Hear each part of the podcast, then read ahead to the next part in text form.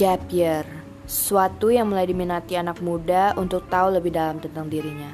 Beberapa orang masih takut berkenalan dengan gap year, bahkan gak tahu itu apa.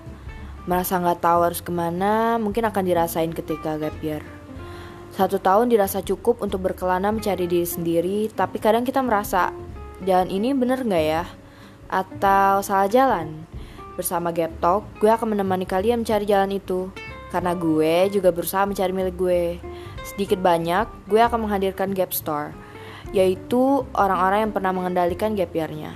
So everyone, see you in the first episode.